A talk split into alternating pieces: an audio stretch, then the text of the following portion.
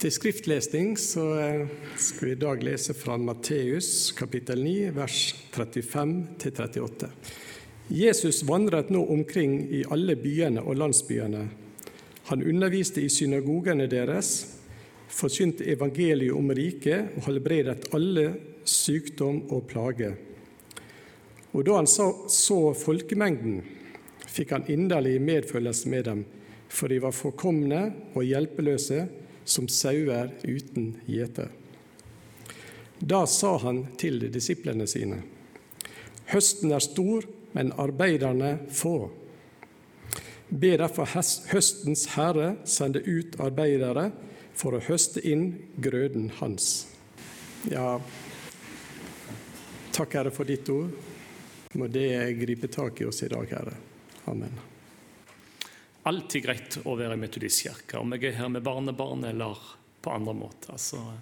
Og så er det ikke så lang vei, så jeg måtte si det til Arve at kilometergodtgjørelsesregninga blir ikke stor i dag. Um, men, eh, men flott. Og, eh, og jeg følger bokstavelig talt med dere når jeg sitter på hjemmekontor i vinduet rett over gata og, og følger med livet i, i metodistkirka. Uh, så så Metodistkirka er en, en, viktig del av mitt liv og av deres liv. vet jeg. Så det er flott å være her. Hvem er Glenn? Jo, han er fiskersønn i n-te generasjon. Men det stoppa med min generasjon. Men så får jeg lov å være litt menneskefisker iblant. Og da tenker jeg, da har jeg avansert i livet. Da har jeg tatt et steg opp fra å være fisker til å få lov å være menneskefisker. Og I mange år så har jeg jobba som bygningsingeniør og i byggebransjen. 17 år hos Helvikhus. Så ble jeg spurt for 11 år siden om å jobbe i Troens Bevis, og det hadde jeg lyst til. Så igjen så tok jeg et trinn opp fra å bygge hus, eh, de fysiske hus, til å bygge de evige boliger og bygge Guds rikes boliger. Så det er flott å kunne ta sånne steg opp i livet av og til. Så jeg, jeg er heldig, og, og, det er fantastisk å få lov å være en arbeider i Guds rike, om det er her eller der. På en halvtime så skal jeg eh, si litt om troens bevis.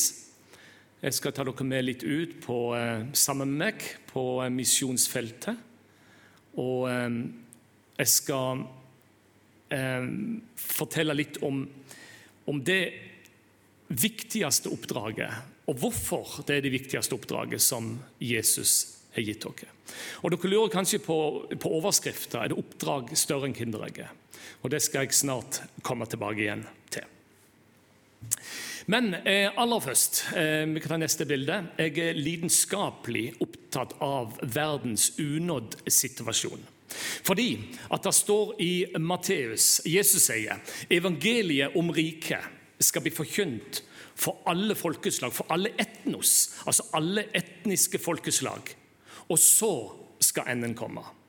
Og I et profetisk lys så gjør det meg mer enn gjennomsnittlig interessert i hvordan er situasjonen i dag når det gjelder de unådde? Og eh, Jeg har fått lov å være en av initiativtakerne til å få samla nesten alle misjonsorganisasjoner i, i, Norge nå i tre-fire år. Eh, eh til M28 Unådd-konferansen, der vi har på en måte et ekstra fokus, et spisst fokus på hvordan er unådd-situasjonen i verden. Hvor mange mennesker, hvor mange folkeslag, og hvor er de? De som ikke har hørt evangeliet. For vi har jo en tendens til, og som Arild Edvardsen sa, å fòre de fremste rekken. Men hva med de bakerste rekken? Så der på en måte, der har på en måte både troens bevis og, og jeg fått en litt sånn spesialinteresse for. Og Veldig kjapt om verdens unådssituasjon. Det finnes to organisasjoner i verden som driver mye forskning på dette, med hundrevis av arbeidere og, og, og masse eh, eh, eh, visdom omkring dette her eh, med verdens unådde. Vi har Josva Project, som sier at det nå finnes av verdens 17 000, unåd, eh, verdens, eh, verdens 17 000 folkeslag, folkegrupper, så finnes det ca. 7407 eh, av de folkegruppene som er minst nådd, eller totalt unådd. Vi snakker ofte om mindre enn en halv prosent, mindre enn 0,1% kristne blant de herne folkeslagene. Det er et ganske stort tall. Der kan folkegruppen telles flere ganger. Hvis et folkeslag har emigrert til et annet land, så telles de som to. Så Derfor er det et ganske stort tall, men det sier iallfall at ca. godt og vel 40% av verdens folkegruppe er minst nådd eller unådd. Så oppdraget er der. Oppdraget er stort, det er formidabelt, men det er desto viktigere. Men så finnes det et antall som er utrolig spennende. Og Det er eh, en organisasjon som heter Finishing the Task. Det betyr 'fullfør oppdraget'. De sier på sin siste konferanse Nå er det to-tre år, to, år siden pga. koronaen. Men eh, da sier de at det finnes bare 145 unådde folkegrupper i verden, dog med mer enn 500 eh, ja, i, sin, sin gruppe, som er totalt unådde. Da har det ikke vært en misjonær, det har ikke vært en bibel, det har vært ingenting. Og det, det tallet der, det, det, det fanger meg litt. For det, det, betyr at det er mulig. Så om tallet er 7407, der du tar med de minst nå døde, eller om det er 145, så er det utrolig spennende å måle situasjonen i verden i dag i forhold til de unådde. For dette er et profetisk signal blant flere andre, men det er et viktig profetisk signal fordi at Jesus sa at evangeliet skal bli forkynt for alle etnos. Og så, og så skal en komme. Så skal Jesus komme igjen. Og Derfor så, så uh, syns jeg det er utrolig interessant å, å følge den unådd-situasjonen. Eh, neste bilde. Så, eh, når det gjelder troens bevis, så har vi den siste tida dreid vårt fokus mer og mer. Vi er jo i en del afrikanske land, sånn som Metodistkirka er. Eh, men vi har dreid mer og mer fokus over til Sørøst-Asia. Rett og slett for eh, der er det mest fisk. Eh, to tredjedeler av verdens befolkning bor innenfor det området som er lyst opp der. Og eh, eh anslagsvis to tredjedeler av de unådde folkene i verden bor innenfor her. Derfor er troens bevis mye i, i, mest i de her landene. Troens bevis jobber sånn lynkjapp presentasjon av det. Troens bevis jobber, jobber gjennom tre avdelinger, eller tre felt, kan vi si. Eh, neste bilde så er det Vi har noen kampanjer rundt forbi.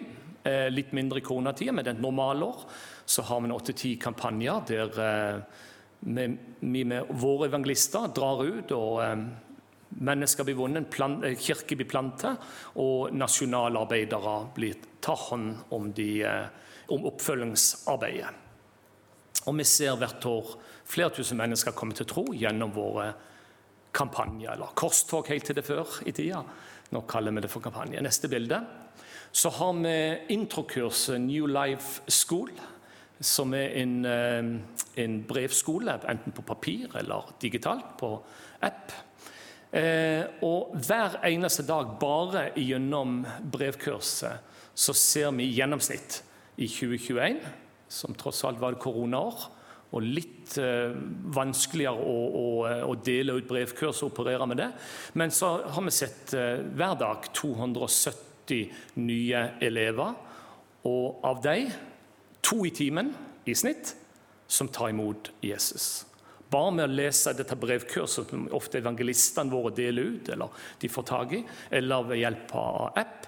Eh, så, eh, så mens vi er her i dag, eh, så har i gjennomsnitt tre mennesker kommet til tro gjennom New Life School.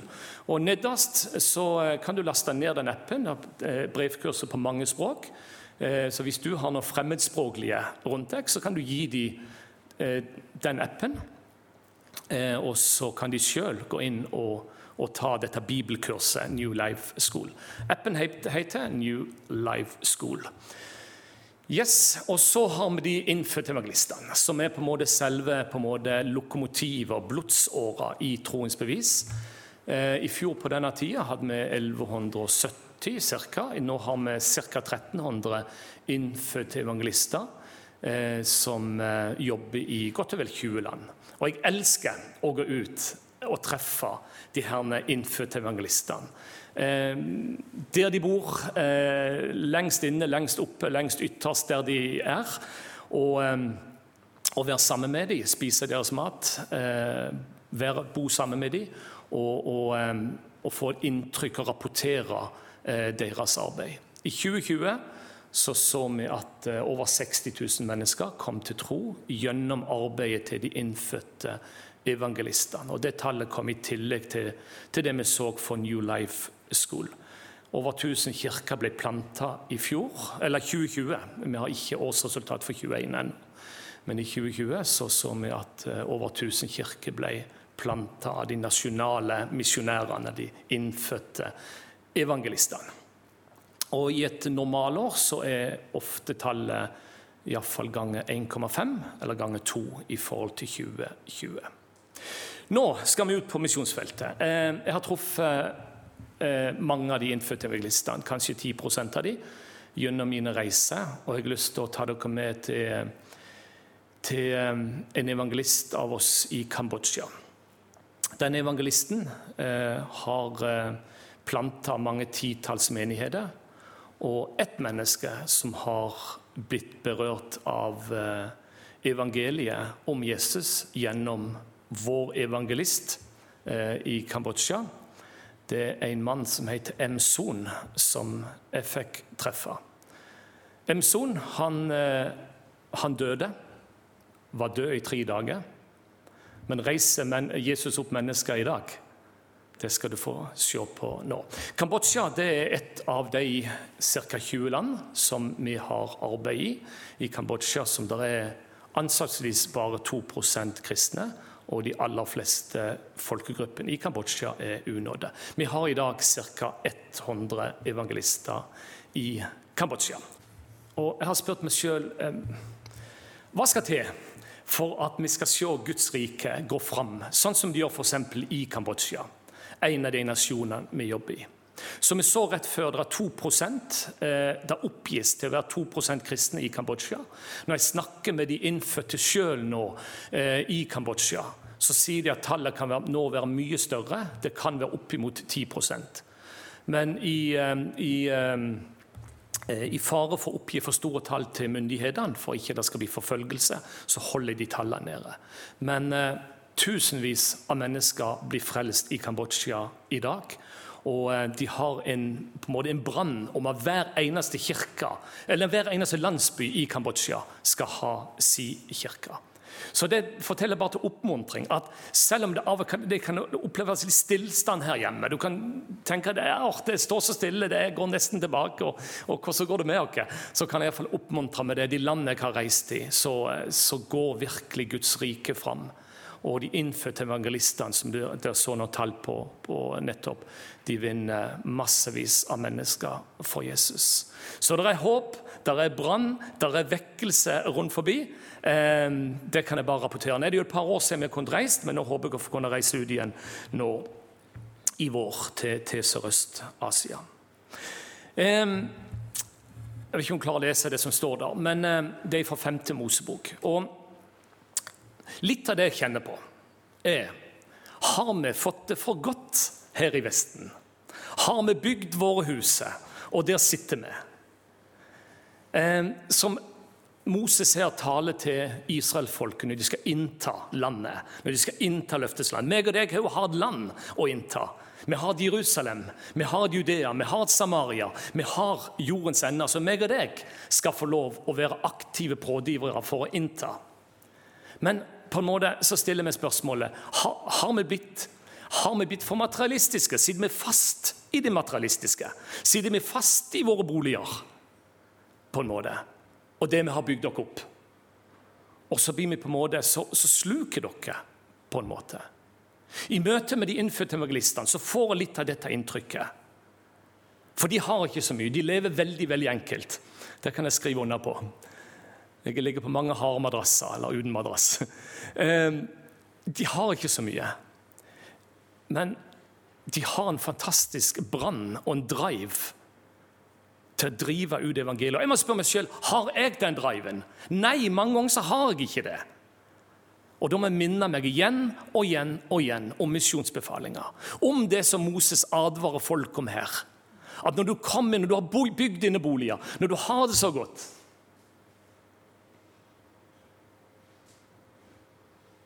Vokt deg, så du da ikke blir hovmodig og glemmer Gud. Går jeg sjøl i den fella? Ja, jeg gjør det av og til. Og du får en konsentrat på ditt eget, meg og mitt. Så det er noe av den brannen dere vi trenger alle sammen. Det er noe av det vi trenger å minne hverandre om, så ikke vi sovner i timen. For har du det godt, ligger du i, på mjuke madrasser, sitter du i godstolen, så er det så lett for å sovne. Og jeg kjenner det best på meg sjøl. Jesus, han sa dere skal få kraft når Den hellige ånd kommer over dere. Dere skal være mine vitner. Da kan vi telle til fire. Jerusalem, Samaria, Judea, jordens ende. Vårt oppdrag er firdelt. Og Det var derfor jeg tok med meg dette Kinderegget i dag. Det har jeg aldri gjort før, men jeg kom plutselig på det. For eh, jeg elsker å gi Kinderegg til barna, for da kan de både spise eh, Det er noe godt. Altså, det er litt spennende ikke vel å åpne det Kinder. Hva er inni? Og så er det litt morsomt. Så bygger de denne legen, så har de både litt sjokolade, så er det ikke så mye sjokolade. Men så har de noe, noe de kan holde på med etterpå, bygge etterpå. Av og til med å hjelpe dem. De sier at Kinderegget har liksom tre ting. Det er noe, noe morsomt, noe spennende, noe godt. Men vårt oppdrag er mye større enn Kinderegget. For vårt oppdrag er, består av fire ting. Det består av Jerusalem, Judea, Samaria og jordens ende. Og Jeg skal prøve eh, å på en måte sette litt lys på eh, hvordan vi faktisk kan ha, selv om vi er menn og bare kan ha maks to tanker i hodet på en gang, så skal jeg prøve å gi dere fire tanker på en gang. Så Jeg vet dere damer klarer det, eh, men det er litt verre for dere menn. Men eh, jeg skal prøve å, på en måte, vi skal prøve å ha fire tanker i hodet på en gang. Eh, vi kan gå til neste bibelvers. Eh, Jesus er jo lidenskapelig selvfølgelig opptatt av dette. her. Og Han sier til meg og deg i dag Kom og følg meg, så skal jeg gjøre dere til menneskefiskere. Jeg sa jeg er fiskersønn i n-te generasjon, men jeg har tatt et steg opp. Jeg har fått lov å bidra som menneskefisker i min skrøpelighet. Og jeg er på langt nær verdens beste menneskefisker. Av og til så føler jeg meg mislykka som menneskefisker. Men det er da jeg hele tida må minne meg om oppdraget. Jeg er en menneskefisker. Jeg har tatt et steg opp. Jeg er Guds rikes innhøstningsarbeider, og jeg skal gjøre det ved hjelp av fire felt. Og jeg skal satse på alle fire felt på en gang. Hvordan er det mulig? Jo, det er mulig.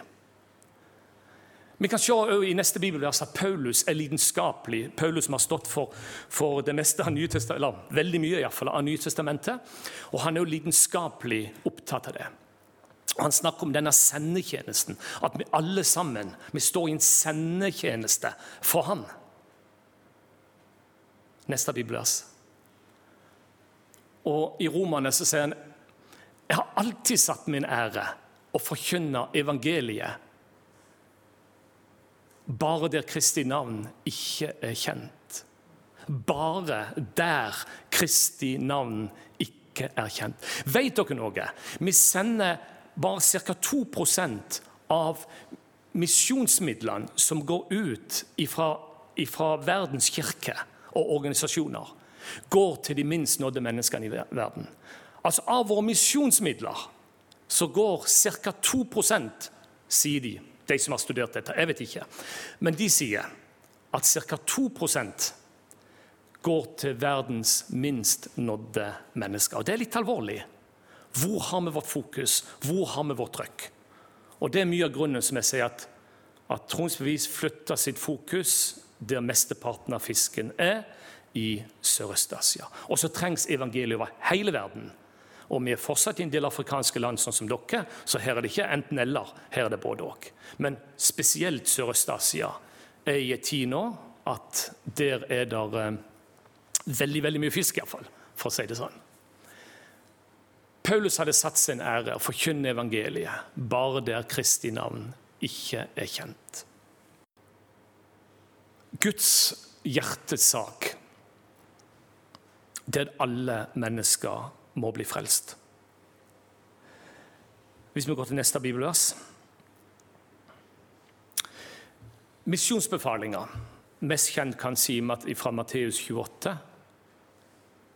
går derfor ut og gjør alle folkeslag til disipler.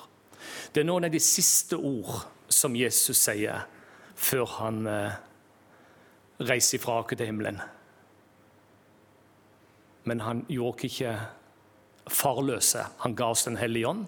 Så det var jo det var en fantastisk flott måte og effektiv måte å gjøre det på. Han kunne ikke være alle steder i hele verden, men han ga Den hellige ånd, som kan være alle steder til enhver tid, i alle mennesker på en gang. Misjonsbefalinga finner du faktisk som er hans siste ord, eller blant hans siste ord. Den er så viktig at du finner misjonsbefalinger i alle fire evangeliene, både Matteus, Markus, Lukas, Johannes, i forskjellige versjoner. Og du finner den også i apostlenes gjerninger, som vi så i stad. Dere skal være mine vitner i Jerusalem, Judea, Samaria og like til jordens ende. Og jeg tenker, De siste ordene som et menneske sier, de blir lagt avgjørende betydning. Kanskje noen av dere har sittet ved et dødsleie, eller har snakka med en person som dør eh, rett etterpå, og så har han sagt deg noen siste ord. De ordene der de blir litt sånn litt gulv for deg, ikke vel? De vekter tyngre enn når man har sagt én million vedkommende før. Om det var bare fire ord, fem ord, vedkommende sa på sitt dødsleie, eller siste gang du snakket med han, så vil du legge de ordene veldig på ditt hjerte. Jeg eh, jobba i barnearbeidet på 90-tallet sammen med ei dame. Og, hun døde ganske tidlig i kreft. Men siste gang jeg besøkte henne på sykehuset, sa hun Glenn, se til sønnen min. Pass på sønnen min. Og det glemmer jeg aldri. Jeg, husker, jeg, ikke, tror ikke jeg kan huske et ord av det andre hun sa gjennom de årene vi var sammen i barnearbeidet. Men de ordene de kommer jeg aldri til å glemme. Og etter den tid så har jeg prøvd så godt jeg kan, selv om vedkommende bor ikke her, og litt sånn, å ha litt kontakt med denne sønnen og, og, eh, bidra lite grann. Men, men jeg glemmer alle de ordene. Og Sånn er det med Jesus òg. De siste ordene han sier, og han sier de alle fire evangeliene. Og det blir gjentatt i begynnelsen. Apostelens gjerninger 1,8. Jerusalem, Judea, Samar. Så, eh, så jeg tenker, det, Blant alt Jesus sa, så tenker jeg de siste ordene han sa. Um, og vi vet at dette var Jesu hjerte.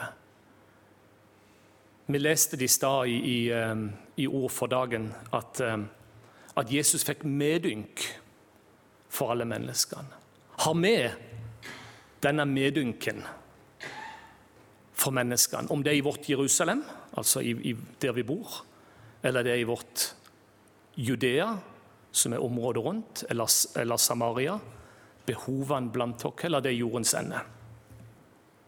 Um, så vårt første oppdrag, det er vårt Jerusalem. Det er der vi bor. Det er naboene.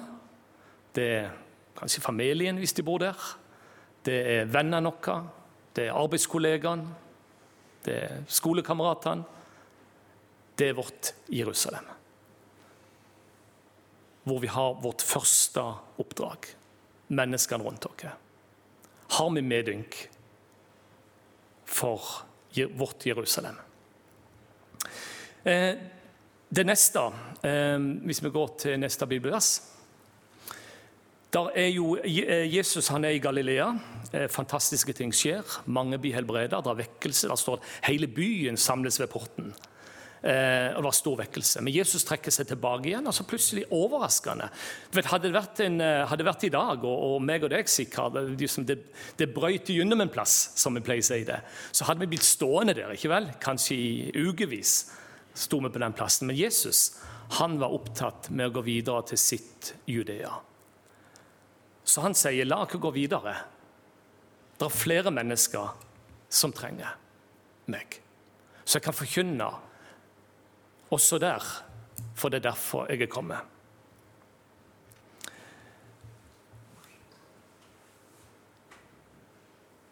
Judea er på en måte området rundt dere. Jerusalem det er det nærmeste. Judea er distriktene eller områdene omkring oss.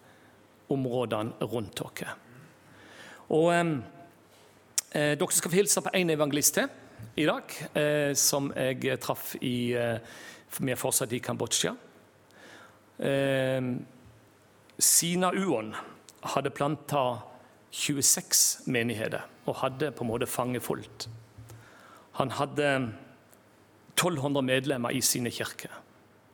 Men han gikk videre til sitt Judea, til området lenger borte. Og så treffer han en, eh, en kar som heter eh, Umdara, som han ber eh, til helbredelse, og som sier han blir frelst. Og så skal vi se resultatet av det nå. Da står han til.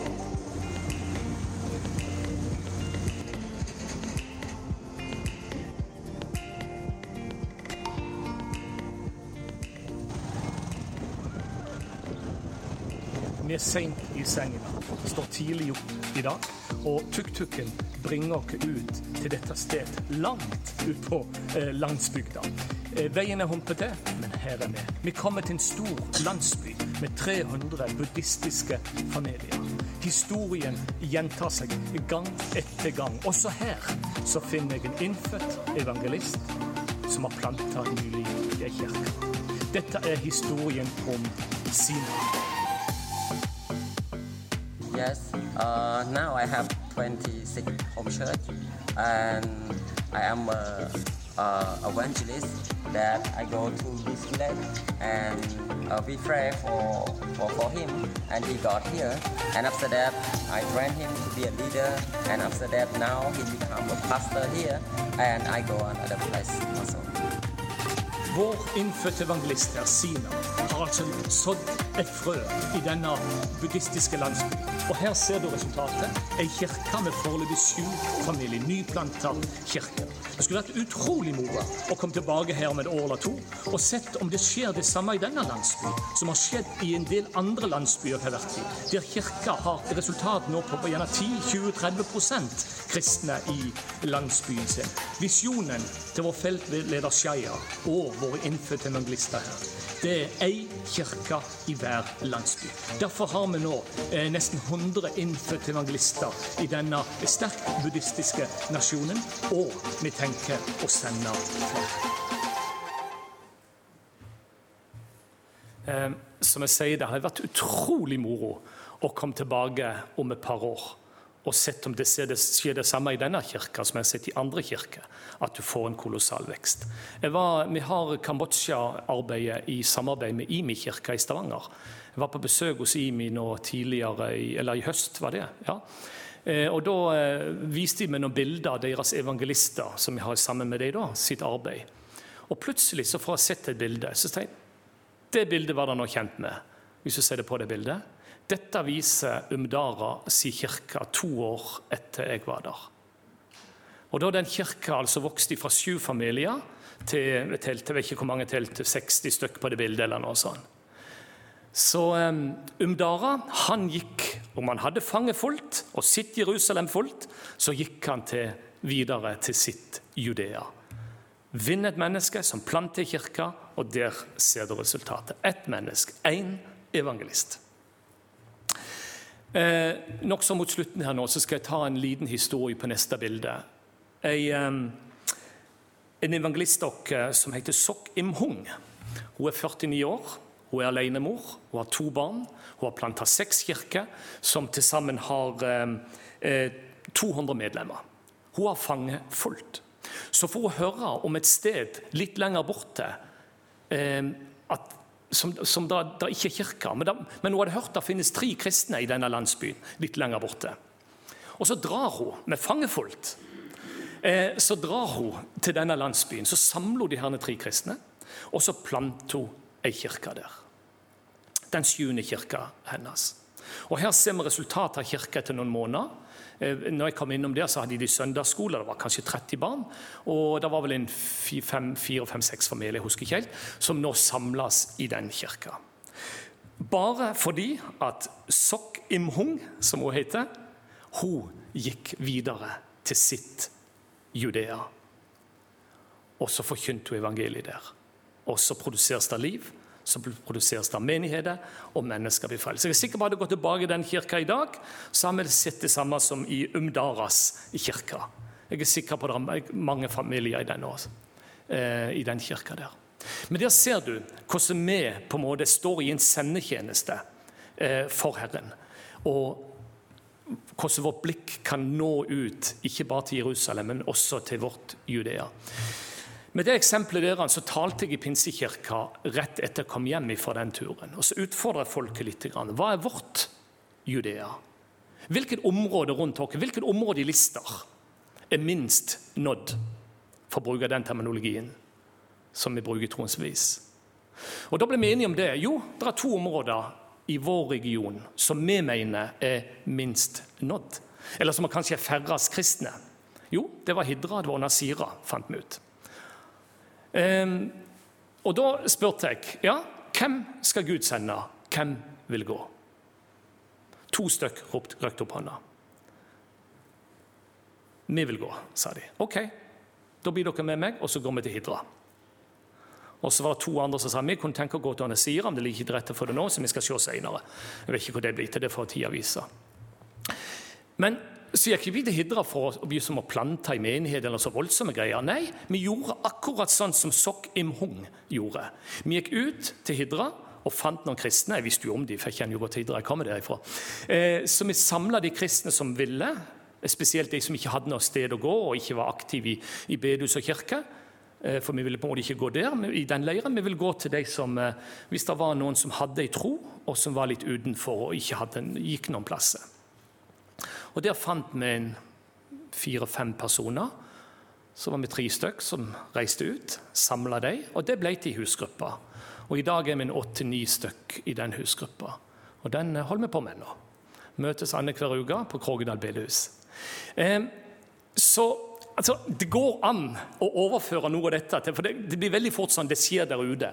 Liksom, eh, men av og til så må, må, det, må, jeg ta det med meg tilbake igjen. What's in it for us? Altså, Hva betyr dette for oss? Hvordan kan vi eh, på en måte eh, gjøre noe av det jeg ser der ute, her hjemme?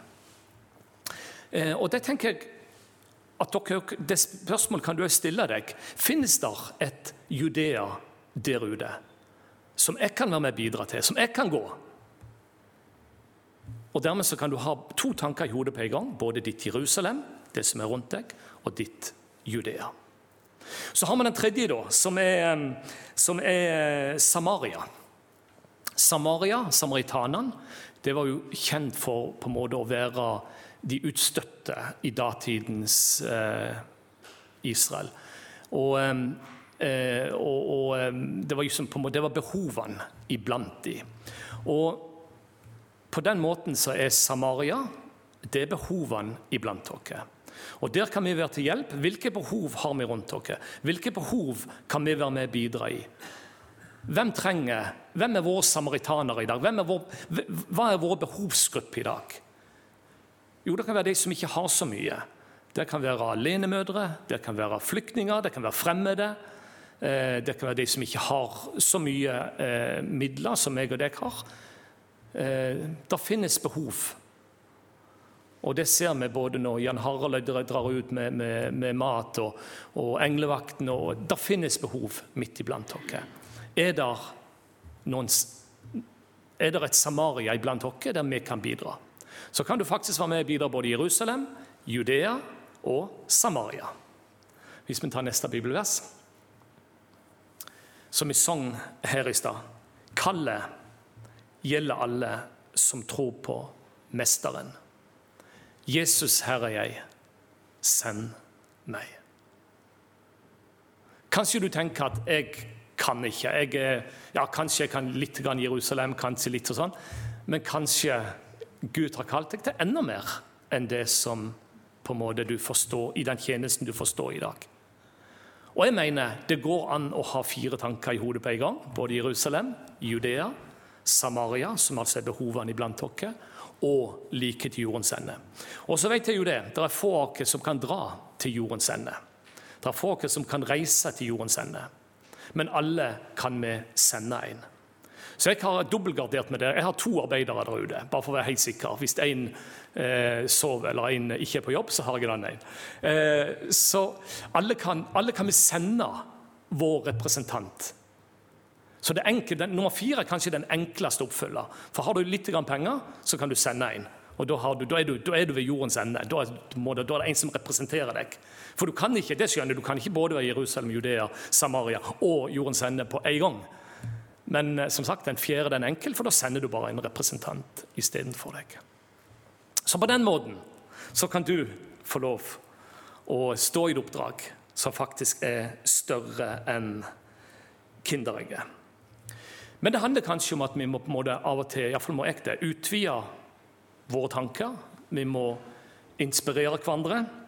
Og eh, vi må kanskje ut av komfortsona.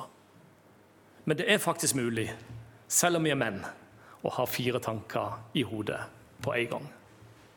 Jerusalem, Judea, Samaria og like til jordens ende. Fire ting. Tenk på det neste gang når du ser et kinderegg. Ditt oppdrag er større enn noe morsomt, noe spennende, eh, spennende, morsomt og gøy.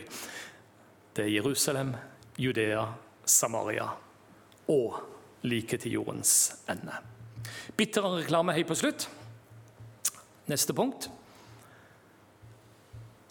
Og det er at Hvis du har blitt inspirert til å sende en representant der ute, så sender Troens Bevis ut én ny representant hver eneste dag dette året.